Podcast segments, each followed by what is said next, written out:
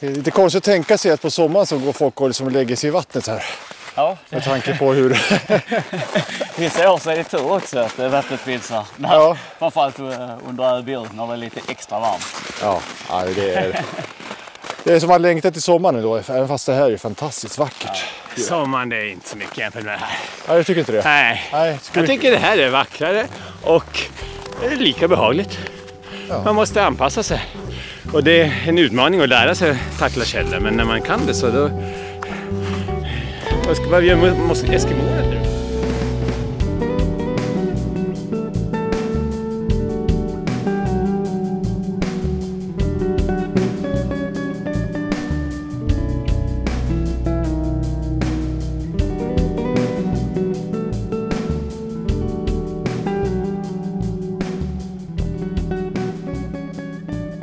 Välkommen till podden Löparens själ avsnitt 7 i samarbete med Sweden Runners.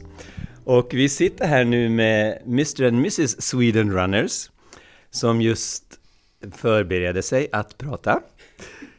Och eh, vi tänkte fråga Petra och Marcus Ekenstierna om hur det är att vara Mr and Miss, Mrs Swedish Runners i, idag. Ja, men innan dess så vill jag bara för ordningens skull säga att det är avsnitt 8 vi är inne i. Men okej. Avsnitt 8. Förlåt. Avsnitt 8. Tack. Och vi är uppe i Älvdalen och vi har eh, innan vi har tagit eh, oss här med en kopp kaffe, vi har blivit bjudna på semlor, så har vi också tagit en eh, löprunda på den smått legendariska Äbubanan också nu. Det är en Backyard Ultrabanan. Vi såg VM här i höstas och har haft eh, tävlingar där i tre, fyra år. Ja, här hoppar Marcus in nu ja. Hur många år har vi haft tävling på ÖBU-banan? Ja, 2017 var första året ja. 18, 19, 20. Så att vi har väl haft fyra tävlingar, minst ja. Och det är som du sa, det börjar bli smått legendarisk mark nu. Ja, och vackrare än vad det har varit idag tror jag aldrig jag har varit med om. Nej, det var sagolikt vackert. Minus 20 grader, rimfrost, strålande sol och ryggarna på er två. Det är så vackert. Min första fråga till er är. Löpning är ju väldigt mycket en växande trend, folkrörelse och så. Och ni har ju nästan förkroppsligat det här med att vara ultralöpning. Ni har startat Sweden Runners. Hur är det att ha det som livsstil, eller vill ni kalla det för en livsstil för er två? Ja, det får vi väl verkligen säga att det är. Det är ju vår vardag från vi, öppnar ögonen till att vi stäcker dem på kvällen. Absolut är det så. Det är det ju. Vi lever ju för... Ja men vi lever ju för detta livet ju. Vi lever ju för allt med skapandet eh, inom Sweden, Run, Sweden Runners. Så att absolut är det en livsstil. Vad har ni för filosofi bakom Sweden Runners? Vad är det som gör att ni har valt den här livsstilen? Vad är, vad är det ni vill på lång sikt när ni står där vid livets slut titta tillbaks på så att säga och vara stolta över? Eh, det absolut största som man vet, alltså som i dagsläget och eh, jag tror slutresultatet också, eh, det är ju att, att veta att man har gjort många människor lyckliga. Ja, eh, för vi, vi har pratat om det rätt mycket eh, de här sista dagarna faktiskt också för att liksom fördjupa oss mer i det och se. Men eh, det stämmer ju det som Petra säger att eh, i slutändan så är det ju faktiskt, det är ju glädjen du vill åt ju. Allt från deltagare, medlemmar, eh, så är det ju att du vill få ett kvitto på glädje. Det där är jätteintressant för många springer ju för att de tycker om det men ni springer för att ge glädjen till andra också. Ja, alltså vår, under tiden du själv, alltså när vi själv springer och är aktiva själv så är det ju en delad grej. Dels är det ju för oss själva, att vi själva vi ska ge, ha glädje av det liksom. Och också för att sprida det till dem vi springer med, självklart. Alltså, Men det är inte bara löpningen, för det är ju även våra resor och våra tävlingar, allting där också. Att det handlar alltid om att folk ska bli, bli glada liksom. Det är för att du sa det sådär bra häromdagen Marcus, det där du sa med kvittot. Ja, liksom. men precis alltså. Man måste hitta ett driv någonstans och vårt driv är ju att det är skapandet. Vi älskar skapandet och många gånger så är, får vi ett kvitto tillbaka på glädje. Och det, då menar jag allt ifrån våra träningar till våra tävlingar till Backyard Ultras och allt det här. Och det... Och allt som oftast är det ju glädje vi får tillbaka. Och eh, det är kanske därför också vi är väldigt känsliga ibland när det händer ju ibland att du kan få negativ feedback. Och vi tar åt oss enormt mycket Ja. de gångerna. Ja. Men det är ju därför vi... Så vi försöker ju alltid göra vårt absolut bästa och ge allt. Allt av oss själva när det väl är dags för en, en tävling eller vad det än är. Det För- märks ju verkligen. Det märks ju på Äby när ni står och high-fivar alla som kommer in och säger ni är verkligen glädjespridare båda två. Det, det, det är liksom det som är utmärkande för Sweden Runners. Men, men det är alltså, det ni får tillbaks, det är att ni själva får glädjen tillbaks. Alltså, ja. Ja, flera gånger om. Alltså man tänker sig att de som springer och säger att det är så roligt att möta dig där, till Marcus high-fivar och jag står och snackar och är glad, säger de. Men jag står ju bara med ett leende. Jag får ju 250 stycken tillbaka. Jag, Det är ju jag som är den stora vinnaren i slutändan. Det är bara att de inte har förstått det. Nej, Men det är ju verkligen så. Det är ju så mycket större än att själv bara springa runt med ett leende när man får istället tar emot så fruktansvärt många. Jag tror att jag vet att ni har haft lite vanliga, annorlunda jobb, kontorsjobb tidigare i livet. Och sen kom ni till en punkt där ni bestämde er för att byta livsinriktning. Jag är jättenyfiken på att höra hur ni tänkte, eller vad det var som gjorde att ni valde att byta inriktning i livet och att ni valde löpningen som, som mål. Eh, ja men precis, det stämmer. Det stämmer. Det stämmer, vi eh, båda två, eh, innan vi valde att ta vårt, vår flytt, eller vad heter, vad heter det, vårt pick-up-back eller vad man säger, och, och flytta upp till Älvdalen så hade vi ju två hade vi ju riktigt bra jobb. Jag var precis liksom klättra i min karriär. Eh, hade precis blivit platschef på bygge. Och Peter hade bra jobb på Öresundstågen. Så vi hade det verkligen bra liksom. eh, En bra ekonomi och allting. Men eh, det, det saknade ju, det saknades någonting för det är jag och Peter är, det är vi två. Vi kan inte bli fler. Eh, och det är ju, det är mycket den historien också om att vi inte kan bli fler som också har lett hit här. Eh, men eh, Det krävs mod att bryta upp och göra något totalt radikalt annorlunda. Kändes ni det? Att ni var nervösa eller rädda inför ett sånt uppbrott? Alltså ja, det är klart det är en... Ja, det är en risk med allting. Men när du någon gång i livet hamnar i en situation som vi gjorde där vissa saker kan du inte påverka utan livet kan bara ta slut. Och då känner jag att vi hade ju ingenting att förlora. Vi utsatte inga barn för fara. Det är inga barn som kommer svälta av att vi inte har någon ekonomi. Det är ingen som kommer... Om, alltså, vi kommer bara sätta oss själva i det och vi har alltid någon vi kan bo hos om vi skulle bli hemlösa. Så för oss har det aldrig... Jag tror jag har aldrig känt någon rädsla, utan istället bara att en spänning inför att testa någonting annat. Men det är ju också för att man har något, man har varit i punkten där allting kan sätta, där kvittar det mycket pengar, vilket jobb, vad du än har, så kan det inte hjälpa dig i den situation du befinner dig i. Och då ser jag bara att det är utmaningar någonting som är bra när du vågar testa saker. Så att jag har inte sett att vi kunnat förlora någonting, alltså, utan nej, jag har nog aldrig känt någon rädsla för att våga. Jag är så sjukt tacksam för att vi överhuvudtaget gjorde det. Att, jag istället, varför gjorde vi inte tidigare? Ja, okej. Häftigt. Nej men eh, visst är det så. Eh, Jag kände väl heller aldrig någon rädsla på det viset för att vi hade ju ändå... Alltså vi hade ju en trygghet i våra arbeten. Alltså vi, när flyttade vi upp? När vi var för fyra år sedan. Och vi hade ju ändå ett... Alltså vi har jobbat ändå i många år liksom. Hade ändå ett yrke att falla tillbaka till om någonting skulle eh, inte gå bra så att säga. Men... Ja, egentligen det jag vill komma till där är ju egentligen inte så mycket att vara rädd för. Nej. Nej. Utan eh, det som Petra sa där att eh, varför har vi inte testat det innan? Tidigare. Ja. Ni är ju väldigt idealistiska. Ni har eh, låga medlemsavgifter, ni är inne för att ni ger folk glädje. Eh, är det liksom, har ni någon uttalad tanke vad ni vill göra med Sweden Runners? Vad företaget ska åstadkomma? Ja, alltså vår tråd från början som gör att vi... Alltså för att knyta lite av att vi vågar ta, nu det vi precis var på och fortsätta in på detta, så det som gör att vi inte var rädda att ta risken också kan man säga, det är för att ingen, varken jag eller Marcus har någonsin haft eh, en dröm om rikedom. Alltså vi har aldrig haft en ekonomisk dröm, vi ser inte att man behöver det där. Har aldrig tyckt. Och därför är inte steget så långt för oss heller. Vi behöver inte en massa pengar på banken, behöver inte så mycket. Och där kommer vi också in i Sweden Runners från grundtanken där att tanke på att vi inte strävar efter att någonting måste vara sådär, eh, någon rikedom i saker, utan vår rikedom är som sagt människan. Mm.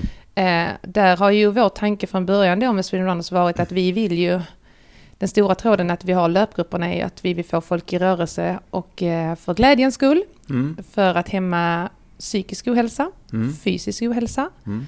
och få gemenskapen att bygga på det. Och då vill vi att det ska vara tillgängligt för alla. En peng som, vi måste ju ändå täcka utgifter som finns kring medlemskapet, för det är mer än man tror som faktiskt i alla system och allt som ska täckas. Men, eh, men vi vill att det ska vara en sån minimal summa som täcker utgifter och så här och får det att gå runt, men att eh, så många som möjligt ska kunna vara med och helst alla ska kunna vara med. Mm. Så eh, det är vår tanke att eh, alla ska kunna vara med och eh, för den, det ska inte vara ekonomin som sätter stopp. Nej. Så, eh, vad ska jag säga, ja. nu glömde jag nästan bort mig själv. Men jag sa kanske vad jag skulle. Vad sa du? Nej men eh, där ligger ju, så som Peter säger att eh, jag tänker att vi kom ju från bra jobb också. Alltså det finns ju med också, att vi kom från bra jobb, vi hade en bra ekonomi där. Men det vi lärde oss där de sista åren var att ju mer vi klättrade då liksom på karriärsteg man säger, och ju mer pengar vi började tjäna så blev det ju ändå så att då jobbade vi ju bara mer timmar också. Mm. Så att vi fick ju inte mer fritid. Och det var, så det kändes ju inte som att vi var på rätt plats i livet. Att det var ju någonting som saknades. Mm. Och ehm, så att, och det är lite där... Och det där någonting, det var någon form av mening med det ni gjorde som saknades. Ja, eh, du menar att vi flyttade hit här nu? Ja, det, vad var det som saknades i det gamla livet? Ja men jag tror att det som saknades var nog ut, kanske utmaningar. Alltså det, det kan vara det. Mm. Utmaningar, det Mm. tror jag. Eh, att göra någonting som vi faktiskt verkligen eh, brinner, Mm. brinner för. För att även om vi trivdes bra, Mm. vi trivdes bra, det är inte det. Men du kan ändå ha, liksom, känna att du saknar någonting i ditt liv. Mm. Eh, sen då liksom att eh, flytten hit här, den kom ju ganska plötsligt. Och det är ju många slumpmässiga saker som gjorde också att det blev så. En sak var att jag hade en väldigt dålig dag på jobb. När Petra ringer och säger att hon har kommit in på en utbildning. Jag hade en jättedålig dag på jobb och jag sa bara Ah, vi skiter i det Petra, klart vi kör på. Hade jag haft en toppendag på jobb den, du vet när allting bara flyter på. Så är det inte säkert att jag hade sagt så. Detta var bara timmarna efter att varken du eller jag visste att jag hade sökt utbildningen. visste inte ens vad det var för något. Nej men jag menar, det är ju... Det är ju en slump. Det är slumpmässiga saker. Men jag tror samtidigt också att det var menat att det skulle bli så. Mm. För att just nu så tycker jag att vi är på rätt plats i vårt liv. Och vi behöver inte så mycket. Nej. Vi behöver lilla Älvdalen och den kärleken vi får härifrån. Och ja, jag behöver inte mer. Jo, min trygghet från Petra. Ja. Men vi som deltagare i Sweden, eller medlemmar i Sweden Runners, vi märker ju det här. Det känns ju att det här är en annorlunda löparförening som är mycket mera hjärta och mycket värme i. Det känns, det är en stor skillnad, det känns hela vägen. Känner ni aldrig att ni kommer inte att räcka till? Eh, jo.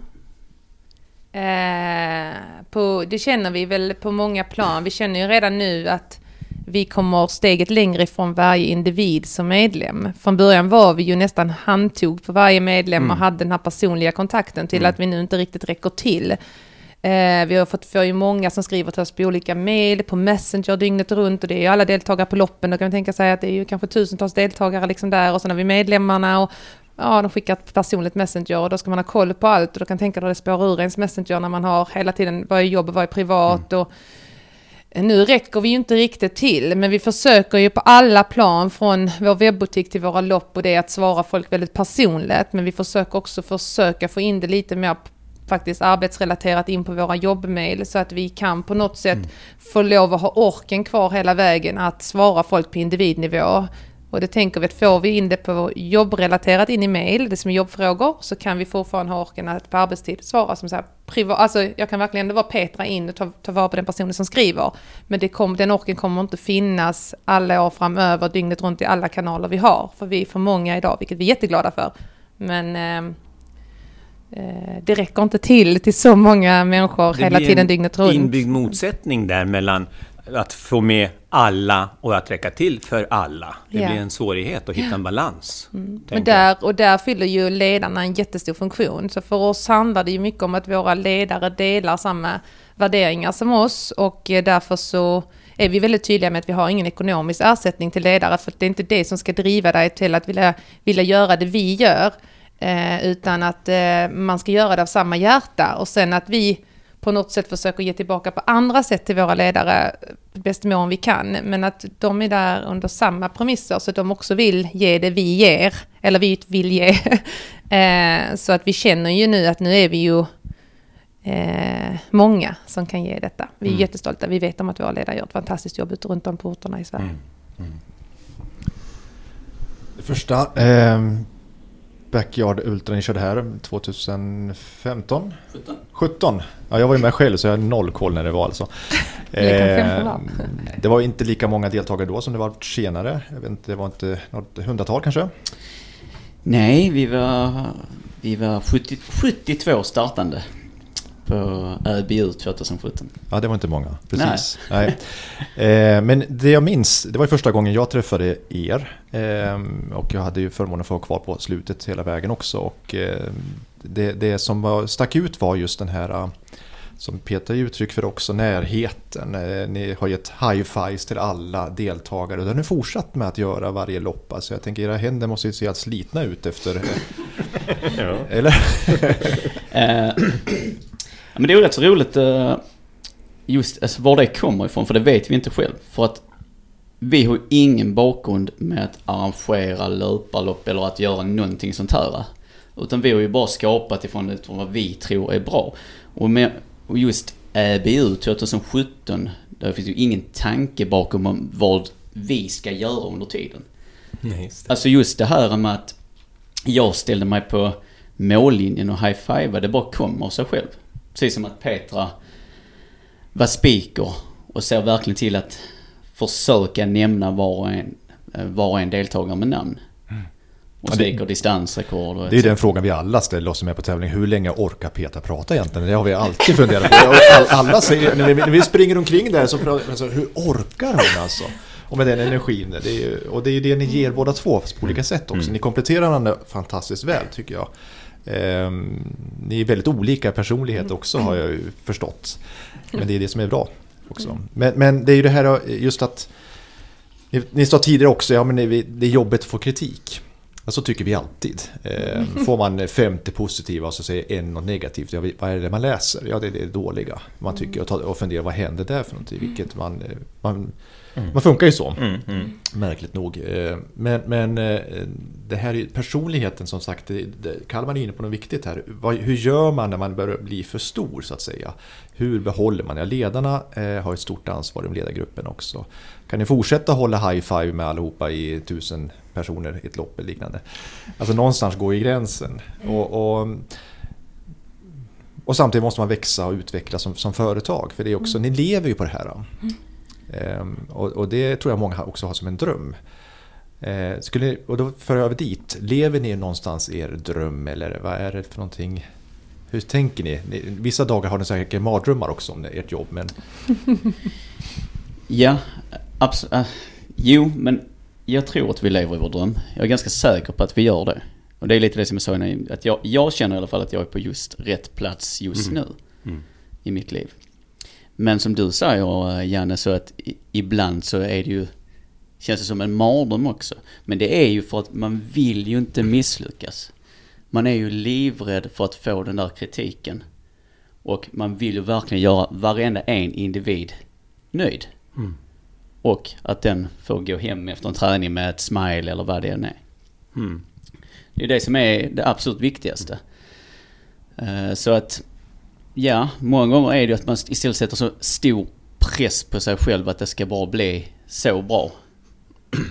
Och då blir det istället att man, alltså just att det känns som en mardröm, att det blir för Exakt. övermäktigt för Exakt. en istället. Ja. Ehm, så därför är det skönt ibland när man sitter och pratar så här och man går lite djupare in för då ser man det på ett, annat sätt också. Och, Ja. man, och man lugnar sig lite också. Får man lite lugnar sin distans. själ lite. Mm, Ja, precis. precis. För det här är ju, om man lever med löpning som livsstil så är man ju också ganska utsatt. Jag tänker på dig Petra. Du är lite skadad vad jag förstått och du kan inte liksom delta på samma sätt som du kanske gjorde förr och som du skulle vilja. Och hur, hur mycket styr det? För då, då blir det ju, påverkar ju det både ditt liv och dig som person fysiskt och även psykiskt. Så det påverkar väldigt starkt. Eller hur? Ja, alltså det är ju en... Alltså det är ju rent ut sagt skitjobbet. På ett sätt är det faktiskt det. Eh, för att dels så är det ju, vet jag om att löpningen har ju varit en psykisk och fysisk rehabilitering för mig från början. Det är det som har satt mig att ta mina första löpsteg och det som har fått igång Marcus. Så att det är ju egentligen det ska ju vara på den grejen, det ska ju vara på den vägen liksom, att det ska hjälpa en ur fysisk och psykisk ohälsa. Eh, och nu på något sätt så har ju löpningen dratt ner mig fysiskt, att jag har fått en skada. Sen att det, om det är löpningen i grunden som har gjort det, men oavsett så blir det ju att varje gång jag har försökt springa de senaste fem åren så har jag ju ont. Och det är ju inte bra, men det är ju någonting som gör att jag fortsätter springa, att jag har sprungit alla de här åren utan att kunna springa på som jag har kunnat och smärtfritt eller överhuvudtaget kunna leverera som jag, jag hade önskat jag hade kunnat. Ehm, eh, och det tar på mig, alltså det, uh, som sagt, det gör, det gör ont fysiskt ont. Eh, det tar på mig psykiskt att jag, att jag bara, vad fasen är det som händer liksom? Man blir om man inte räcker till. Det tar på mig, på något sätt går man ju in i en roll ibland, speciellt nu när man man representerar ändå någonting hela tiden. Och springer jag med medlemmar, vänner på ett lopp med, alltså, där folk vet, men det är Petra, hon sysslar med löpning.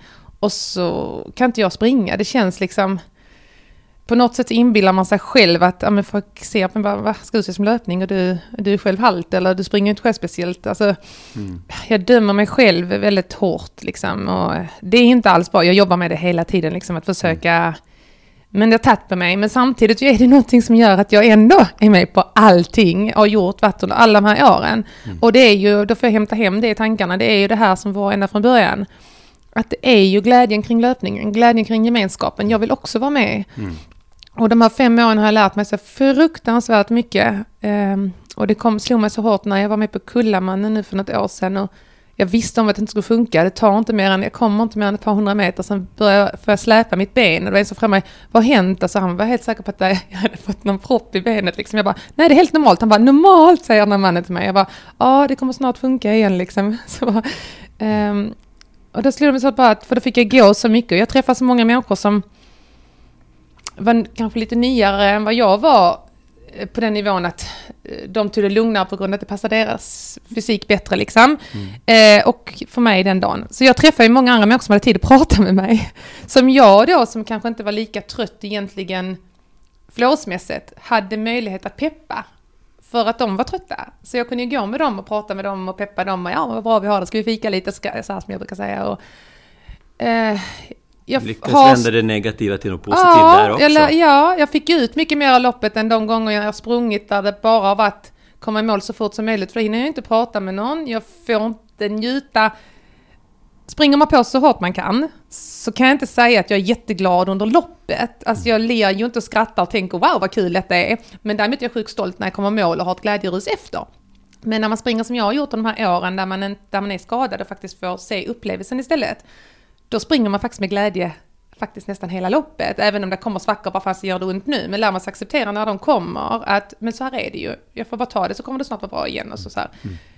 Då får man ju faktiskt fler timmar av glädje. För jag får ju även ruset efteråt. Inte lika starkt som om jag tagit ut mig fullständigt, det kan jag inte påstå. Men jag har hela tiden under tiden och jag lär känna betydligt mer människor under loppets gång än vad man gör om man bara fokuserar på målet. Så att jag har en helt annan resa de här fem åren och lärt mig så fruktansvärt mycket om upplevelselöpning. Som eh, man kanske inte får uppleva om man kutar på bara. Två sidor på varje mynt, så är det. Mm. Man lär sig även av svårigheterna. Eller de, det är de man lär sig av mest. Mm. Men du, du ger, ger inte upp heller? nej, nej, jag gör inte det. Jag, Du har ju haft en ganska mm, tuff resa, lång resa. mm, Och eh, Det var någon som hörde av sig till mig och sa att eh, angående podden här och sa att ja, men, eh, kan inte ni någon gång prata om, om tacksamhet? Att man också tar upp den biten. Ehm, och det gör det nästan ett uttryck för ändå, tycker jag det du säger. Också att eh, trots att det är motigt så, så, så kämpar du på och jag förstår också att du uppskattar ändå det här eh, löparlivet. Ja, jag blir lite så nu. Ni ser det som sitter. Ja. Men det ligger mig varmt om hjärtat. Det, jag är så Ja, men det är väldigt tydligt. Jag menar det här, eh, de här åren och de här skadorna du har dragits med. Skadan eller skadorna. Vi håller på att utreda. Du utreder. Men det har lett till många tårar. Och det betyder och det visar ju också hur mycket det betyder Mm. för henne. Mm. Och det är ju det där att du dras ju alltid tillbaka till löpningen. Mm. Även, om, även om det gör ont så dras det ju alltid tillbaka. Och det är ju... Det har vi också, vi har ju liksom försökt hitta varför där och det, men det, det är ju också slutsatsen att, att det är ju gemens, det är gemenskapen. Vi kommer alltid till den slutsatsen. Det är gemenskapen i Gemenskap, ja. slutändan Ja. som eh, gör att du drivs vidare i detta. Eh, Ja. Alltså det, ja. ja. Det är, jag, tar, jag tänker att den största referensen, eller så här som jag tänker så också är ju förra året, eller året innan va? Då sprang jag Ultravasa 90. Där hade jag exakt samma problem som jag har nu. Men då visste jag, jag har så mycket kunskap om mig själv, så jag visste ju om att jag får springa max fem minuter och så måste jag gå. Och max fem minuter, för jag vet om att det tar fem minuter innan jag blir, alltså det blir stopp från hela benet. Eh, så visste jag vill inte komma till att det börjar bli stopp. För att då har jag börjat få ett stopp. Jag vill, jag vill börja gå när benet är friskt. Och göra det är rätt så svårt. För att man är ju ofta så, man vill ju att något ska kännas, annars har man ingen anledning till varför man ska börja gå. Men jag säger nej, Petra, max fem minuter och är det uppförsbacke så får du börja gå mycket tidigare liksom, för då kommer det tidigare. Så jag har lagt upp mitt lopp, hela Ultravasan, att så här liksom. Och, och så lite realistiskt, bara tiden spelar ingen roll. De stänger efter 15 timmar sista stationen. Så att huvudsaken är att jag kommer med målet i målet. Jag vet att jag kommer fram för att jag vet om att jag kan, det kan jag, någonting ska gå av mig annars liksom för att det, jag kommer mål.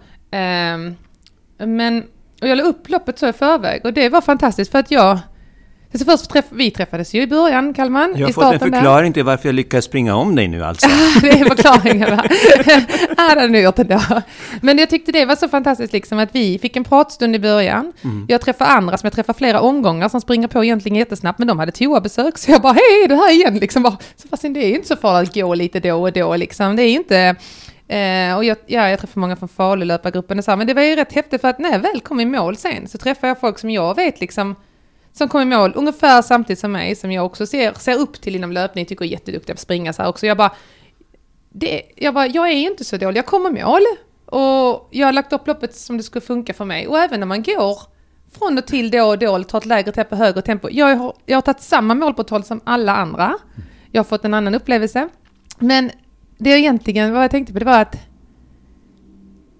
om man inte fokuserar på tiden, att det ska gå så snabbt, så klarar man sig fruktansvärt mycket mer än vad man tror inom löpningen. Och det går nog också tillbaka till Beckard Ultran där, att många tror att man, jag har aldrig sprungit mer än en mil, men får ta bort tids, tiden, för det är inte det som räknas, det är att du håller dig i rörelse och har ett mål vad du vill göra. Och kan du göra det så tror jag du blir mer stolt av dig själv och du klarar så mycket mer. Du kommer ju fram. Alltså...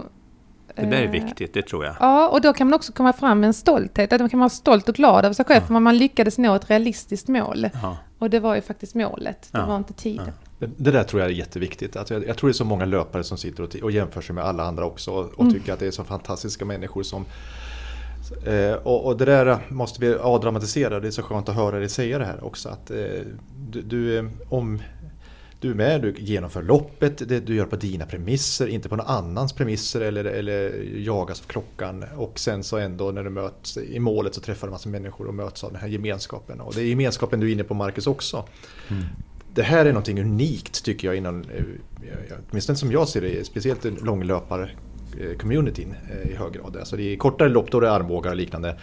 Men, men här så Nu tar du min man- fråga ifrån mig, för Ja, jag ja. var precis på väg att komma till det. Vad tror ni att det kommer sig att just ultralöpningen den, har den här gemenskapen? För det är inte så inom andra eh, grenar. Jag vill inte nämna någon speciell, men triathlon till exempel är helt annorlunda. Pratar man inte i vattnet där. Nej men roligt att nämna triathlon för vår, vår eh, kära vän Erik eh, de Möll, gammal elittriatlet. Han, han har ju nämnt det flera gånger för oss att i, inom triathlon är det mycket mer armbågar. Ja, Eh, Så här. Jag kan inte svara för det för vi har inte sysslat alls med det men jag höll på att drunkna i mitt första triathlon. av andra, dränkt av andra. Och man har ju till exempel hört om, vad är det, cykelvasan, mountainbike, Ja, att det går också vilt till. Ja. Men här inte för alla, stor- jag har också provat ett triathlon. Simmar man längst bak så är det ingen som trängs med. Nej, så, så får jag göra nästa gång.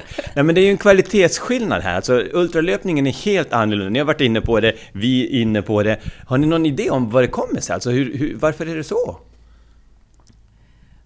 Ja du. Bra fråga. Jag tänker lite att det, det kanske är att det är många som håller ett lägre snacktempo på ultramaraton. Eh, att det kan vara det som gör att det har blivit en mer gemenskap liksom. Men sen samtidigt de som håller ett högre tempo, jag känner några stycken, eh, de är ju också med i det här snacket Ja. och den här, så att då håller ju inte min teori om vad det är. Eh, det är kanske också mindre människor som sysslar med det, så det är en tajtare kärna som känner igen varandra, så det blir lite gruppkänsla. Ja.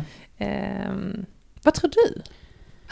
Nej men jag tror absolut också på de sakerna, men jag tror också att det finns någonting i det att ultralöpning är så, alltså det är ganska extremt, eller egentligen väldigt extremt. Man utsätter kroppen för väldigt mycket stryk. Mm. Och det gör ont. Mm. Och jag kan inte jämföra, jag kan inte jämföra med Ironman och sånt här, för jag har aldrig gjort det. Men jag har ändå en bild av att jag tror att ett långt ultralopp gör mycket mer ont. Alltså det, att man kämpar liksom alla de här demonerna som kommer under tiden, alltså på de här loppen. Jag tror att det är mycket mer sånt och jag tror att det är också en sak som gör att du vet om att din medlöpare känner samma. Och jag tror också det är de bitarna som gör att man alltså svetsas samman på ett annat vis. För man vet om att varenda en individ kämpar något enormt för att kunna åstadkomma att ta sig fem mil, 90, nio mil eller vad det än är. Men jag tror det är, ligger någonting i det också. Jag håller fullständigt med dig. På, I min psykologiska värld någonstans så är det att vi vågar visa våra svagheter. Vi vågar visa oss bräckliga. Det gör oss mottagliga för mycket starkare eh, connection eh, och, och mycket starkare sammanhållning, tänker jag. Vi visar ju våra värsta eller svagaste sidor under ett långt lopp, många gånger. Det kan jag tänka bidrar också. Ja. Men sen är det också att det finns, jag tänker också att det fem kilometers lopp finns det så fruktansvärt många av och man kan vara så fruktansvärt många som genomför dem så man är bara en i mängden. Mm. Eh, Medan ett ultralopp finns det väldigt fåtal av. Du klarar inte av att göra hur många som helst på ett år. Eh, så det blir kanske ändå en slags samma sak, samma människor som åker runt och du utvecklas ju inte under ett år liksom på att att du, du förbättrar en timme på distansen, utan du håller ungefär samma fartgrupp, vilket gör att du kanske oftast träffas ungefär samma människor på dina lopp. Ja. Eh, så att på det sättet tror jag också att det spelar stor roll, att man är eh, Ja. ja, en mindre massa. Ja, för det... Men ni är med och arrangerar nu ganska många sådana här ultralopp och liknande. Vad- Vad är det som har hänt? Att det, blir, det har ju nästan gått inflation i... Förr i tiden tränade man för ett maraton och det var jättelångt och man brukar prata på arbetsprojekt och sånt. Ja men nu har vi ett stort projekt, för, att se det som ett maratonlopp. Men det är ju bara en kortare gräns i förhållande till 10 mil eller 16 mil eller 32 mil eller 37 som man sprang på VM här. Eh, vad är det som har hänt? Har ni reflekterat kring den biten? Och ni kommer erbjuda en Uka Pine här på 16 mil också här eh, kanske i år. Eh, nej men precis. Eh, visst kommer vi göra det. Eh, alltså Uka Pine 100 miles kommer nu i år. Förhoppningsvis då om allting släpper med pandemin och ja, allt det där. Men jag, är- vi är ändå ganska nya inom löpningen.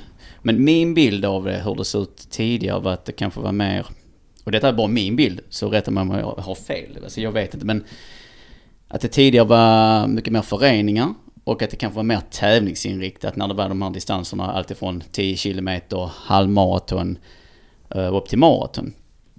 Eh, sen har det ju kommit mer och mer, vi säger, andra typer av eh, löpargrupper som startas där det kanske inte är just att du träffas för att prestera, prestera, prestera. Utan man springer tillsammans. Och det är upplevelsen i det hela. Och att man glömmer bort det med tiden. Och det ser vi ju mer och mer och mer varje år. Men det gör ju också att vi kan ju helt plötsligt springa längre och längre distanser också. För att nu pressar vi kanske inte kroppen det yttersta. Och sen är det ju så att vi, vi utvecklas ju också så vi pushar ju gränserna hela tiden också framåt. Men jag tror att det, det ligger mycket, alltså jag tror det mesta ligger i det att vi har, alltså rent mentalt, att vi ser inte på löpningen på samma sätt längre. Nej. Utan nu ska vi ta oss i mål, men det behöver inte gå på, ja men lite som Petra sa innan, det behöver inte gå på just den tiden. Utan vi ska ta oss till mål. Och det är det som jag tror att, eh, varför ultralöpningen har växt. Alltså just att, att där handlar det mer om utmaningen i det. Man är lite mer, man är också lite mer skyddad på ett ultralopp. Uh, alltså just att, jag tror man kan må bättre mentalt, att man inte har den presset, pressen på sig själv att man måste springa på en viss tid eller så här. Utan man vet ju om att det är en utmaning oavsett vilken tid du kommer in på så är det ju en oerhörd prestation bara du tar dig till mållinjen. Mm. Du springer och jämför, eller du springer mot dig själv så att säga. Ja. Eh, mot dina. Mm. Jag vet Rune Larsson sa att ultralöpning var ju på väg att dö ut på 80-talet. Då fanns det två lopp på ett år i Sverige. Lejonbragden och kanske Gax eller vad det var. Idag finns det ju två lopp varje dag. Snart. Mm. Det är häftigt. Precis. Men tänker jag tycker, alltså det är jätteroligt att följa utvecklingen. Och det är ju roligt att se hur vi kan pusha gränserna. Men jag tycker, jag kan nästan må dåligt ibland. eh, ett exempel är för, när är det, två år sedan eller tre år sedan? När eh, jag sprang Kullamannen 100 miles i alla fall. Petra var nere och sprang 44 kilometer och ja, någon andra av våra vänner. Men våra familjer frågar bara om mig. Hur går det för Marcus? Mhm. Tänker inte på de andra som springer 4,4 mil eller springer 22 kilometer. Mm, just det. Vilket jag tycker är lite tråkigt och lite ledsamt ibland. När det bara är de långa loppen som får sån Där har ju någonting gått snett. Det kan jag tycka. Det, är som Ultravasan också när någon säger jag ska springa, springa Ultravasan. Ja, 45 har den korta. Och så liksom, det var inte alls lika viktigt som att springa 90. Och, och, och det är sjukt långt. Ja. 45. Det är jättelångt. Folk ursäktar sig. Ja, Det, är- alltså det, det är ju Ja. hemskt. Det är, alltså, Det sker någonting i folks skallar. Det blir längre och extremare och värre hela tiden på något vis. Ja. Ja. Men det har, varit, det har varit flera gånger för oss. eh, Vi springer ju oftast lopp tillsammans men i olika distanser. Och jag springer långt och du springer lite längre. Så är Just det. Ja, Bra. Så är det. ska men men eh, det är faktiskt flesta gångerna så är det att man frågar eh, eller frågar hur det gått för Marcus eller Mm. shit vad grymt Marcus att du sprang så Mm. långt. Så sitter jag där bara Mm. Mm, men jag har också gjort någonting bra. Ser ni inte mig? Hör ni inte mig? Inte för att man behöver bekräftelse, men man blir ändå lite... Ens prestation blir liksom bortsuddad för att Det han det. gjorde lite längre än vad jag gjorde. Men, Ja. alltså, och det tycker jag har varit jätteledsamt. Men eh, du har ju, Marcus har ju faktiskt blivit bra de sista åren. Har du faktiskt börjat säga till folk. Peter har också sprungit, det gick bra för henne också. Ja, just det. Så att, eh, och det är rätt så skönt för nu, några stycken du har rättat några gånger har ju faktiskt har börjat fråga efter mig också. Bra. Lite, jag vet inte precis så. Men det är synd, för man får- försvinner Ja, mängden. ja, 44 är inget ja. jämfört med 100 liksom tydligen längre. Ja. Ja. Nej, men det är, alltså det är ju var en eh, individ och deltagare i lopp tar väl och springer och presterar utifrån vad de själv kan oavsett hur lång distansen är. Mm. Mm. Och det är ju där, alltså det är ju det är ju lite där eh, man säger att man vrider tillbaka till det här smiles not miles eh, som vi, alltså vi står för. Och det betyder ju, för oss betyder ju det att det spelar ingen roll om du springer 5 kilometer eller du springer 16 mil och på vilken tid eller vad det är. För att det viktigaste är ju bara att du är nöjd över din prestation i slutändan. Att det har berikat Och att det dig. liksom, det leder till något positivt för dig själv. Ja, att det berikar dig. ja för det är det jag känner Trond, att det är nästan lite miles, not smiles. Vi hamnar i Ja, annars. ja. Det är helt rätt. Det, och det är synd. Det, det är inte det det handlar om, som du säger. Det är, ett, det är tvärtom. Alltså det är verkligen, det är smiles not miles. Det är bara det det handlar om. För oavsett om ni som sitter här, ni andra då just nu, kan springa 100 km skitsnabbt, så är ni ju också skittrötta när ni har sprungit 5 km skitsnabbt. Mm. Då har ni också gjort något jävligt bra. Alltså, nu svär jag, förlåt. Men eh, det är ju verkligen så, man tar ju ut sig från sina förutsättningar och den distansen man har satt upp för sig själv och sin dagsform och sina förutsättningar. Eh, så varje insats är ju en fantastiskt fin insats. En fråga vi ställer oss, eller alla vi intervjuar, är ju den här frågan. Vad, är er löparens själ? Har ni, jag vet inte om ni kanske trodde att den skulle komma, men om ni funderar själva. Och nå, vad är eh, enligt dig löparens själ? Kan du förtydliga? Vad tänker, tänker ni i frågan? Liksom, Alltså när du tänker löpning i den bästa av världar, så vad är, vad är löpningen för dig? Alltså vad gör den för dig kan det vara? Det kan vara vad eh, får du ut av den? Ehm, Essensen av löpning? alltså, nu vet jag inte om detta blir svar på fråga, men jag tänker så här, vad är, om jag bara säger, mm, nu ska jag ha en sån här drömrunda, ja, då blir jag lycklig vad jag tänker på den liksom. då, då, är det så här, då, då ger jag mig bara ut, det får inte vara platt underlag, jag ger mig ut där som är lite, händer lite olika saker jag kan leka mig igenom. Eh, njuta av omgivningen. Och då är jag ju glad hela tiden.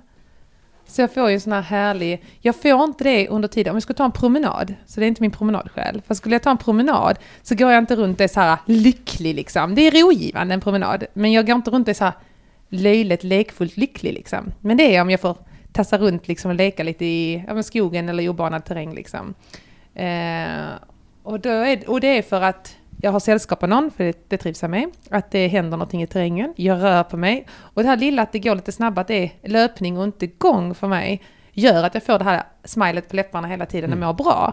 Eh, det, jag behöver absolut inte komma hem jättesvettig och jättetrött liksom, utan men sen efteråt så är jag lika lycklig och känner att jag har rört mig, jag har varit klar. Och det är liksom, det är så drömscenario för mig. Det är där löparsjälen i mig sitter liksom. Det är för den där löpningen, just det där ögonblicket är mitt drömscenario liksom.